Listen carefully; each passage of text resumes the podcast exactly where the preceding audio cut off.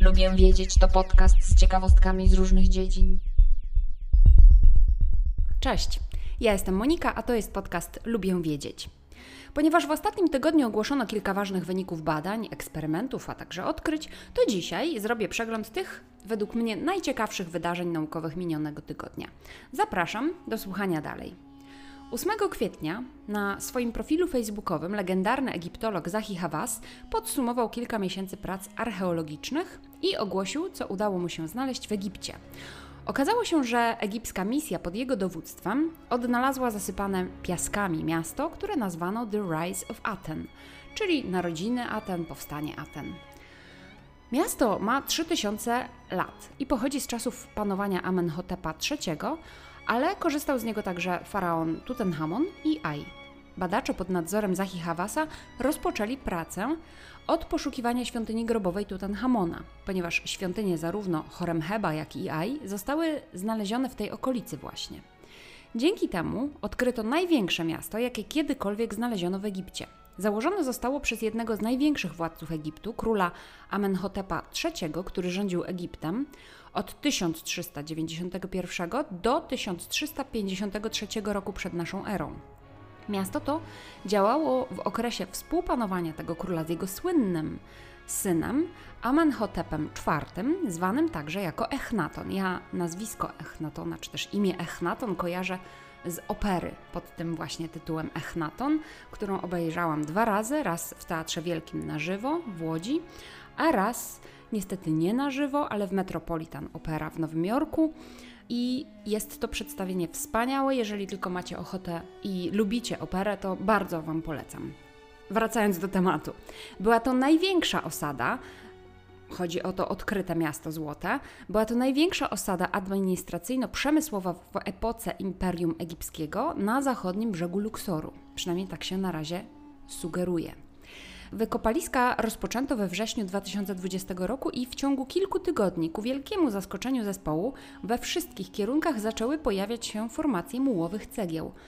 To, co archeologowie odkryli, było obszarem dużego miasta w dobrym stanie, z prawie kompletnymi murami i pomieszczeniami wypełnionymi narzędziami codziennego życia.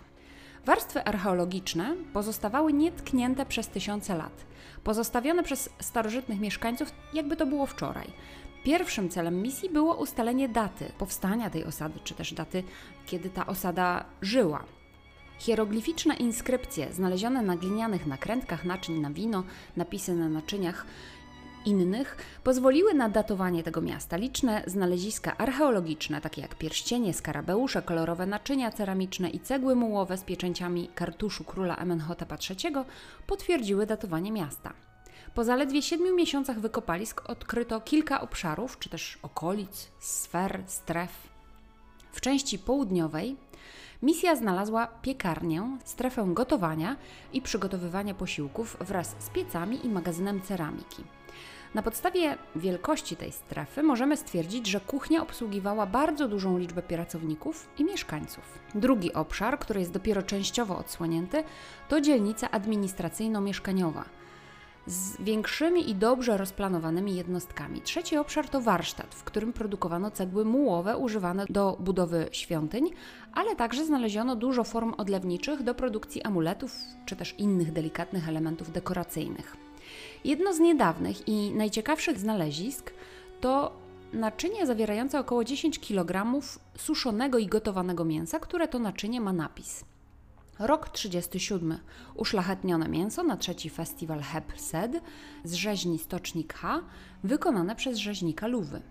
Te informacje nie tylko podają nazwiska dwóch osób, które mieszkały i pracowały w tym mieście, ale potwierdziły, że miasto było aktywne w czasie współregencji króla Amenhotepa III z jego synem Echnatonem. Jak mówi historia, rok po zrobieniu tego garnka miasto zostało opuszczone, a stolica przeniosła się do Amarny. Ale czy to prawda i jeśli to prawda, to dlaczego? Dopiero dalsze wykopaliska na tym terenie pozwolą ujawnić, co naprawdę wydarzyło się ponad 3000 lat temu.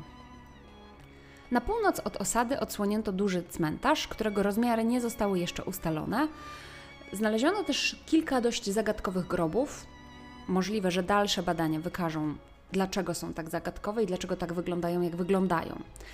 Jak dotąd misja odkryła grupę wykutych w skale grobowców o różnych rozmiarach, do których można dostać się po schodach wykutych w skale. Prace nadal trwają, a ekspedycja oczekuje odkrycia nietkniętych grobowców wypełnionych skarbami.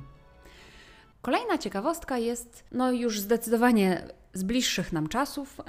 Jest właściwie współczesna, ale też z, taką, z takim potencjałem futurologicznym. Otóż w minionym tygodniu, 9 kwietnia, świat obiegł filmik, w którym makak, taka małpka, gra w grę komputerową.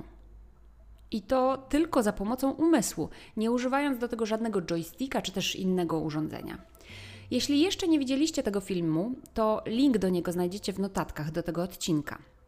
A film został zamieszczony przez firmę Neuralink należącą do Elona Muska. Już w ubiegłym roku dowiedzieliśmy się o tej firmie, która opracowuje implant, który ma być bezprzewodowym interfejsem pomiędzy mózgiem a maszyną.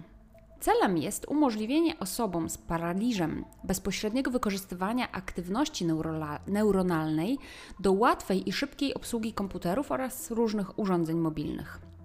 Badacze opublikowali film po tym, jak makakowi o imieniu Pager wszczepili implant, który umożliwił mu poruszanie się kursorem na ekranie komputera.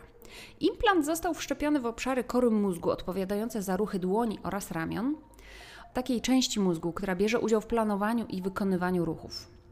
Wcześniejsze badania wykazały, że neurony w korze ruchowej pozostają dostrojone do intencji ruchu nawet u osób z paraliżem i że jest możliwe skalibrowanie urządzenia tak, że dana osoba po prostu wyobraża sobie poruszanie myszą po podkładce, czy touchpadzie, czy jakiś inny ruch, a kursor przesuwa się zgodnie z jej intencją. Dzięki temu będzie można pisać e-maile i wiadomości tekstowe, przeglądać internet, czy robić cokolwiek innego, co można zrobić za pomocą komputera, po prostu myśląc o tym, jak się ma poruszać kursor, czy też co ma być zrobione na ekranie komputera. To ułatwi pracę nie tylko osobom sparaliżowanym, ale generalnie myślę, jest w stanie poprawić po prostu pracę na komputerze ludziom. No i na sam koniec krótka aktualizacja misji na Marsie. W 113 odcinku mojego podcastu, znajdziecie do niego link w dodatkach do dzisiejszego podcastu, mówiłam o łaziku Perseverance, który wylądował niedawno na Marsie oraz mówiłam, że podpięty do niego jest mały helikopterek Ingenuity. No i ten helikopterek miał być pierwszym urządzeniem, które wykona samodzielny lot na Marsie i miał on się najpierw powoli ładować oraz czekać na swój pierwszy lot na Marsie. No i teraz nastąpił właśnie ten moment, kiedy Ingenuity odłączył się już od łazika jest już samodzielny, ładuje się już dzięki swoim własnym panelom słonecznym, no i niedługo miał wykonywać swój pierwszy lot. Miało to nastąpić w dniach 11-12 kwietnia, więc tak naprawdę już teraz, możliwe, że to miało nastąpić w ogóle sobota, niedziela, natomiast na razie nie znalazłam żadnych aktualizacji na stronach NASA, więc jeżeli tylko się dowiem, to oczywiście dam Wam znać, co się wydarzyło, ale na razie nie wiemy, czekamy, czy udało się Ingenuity wykonać swój pierwszy lot. Dziękuję za wysłuchanie kolejnego odcinka podcastu Lubię Wiedzieć. Zachęcam do subskrypcji. Koniecznie zajrzyjcie do notatek do tego odcinka, bo tam zamieszczam linki do źródeł informacji. Zapraszam też na moje konto Instagramowe, gdzie zamieszczam różne inne ciekawostki. Jeśli z kolei chcecie posłuchać o książkach, które czytam, to zapraszam na mój drugi podcast Fiszkowa Kartoteka. Do usłyszenia. Cześć.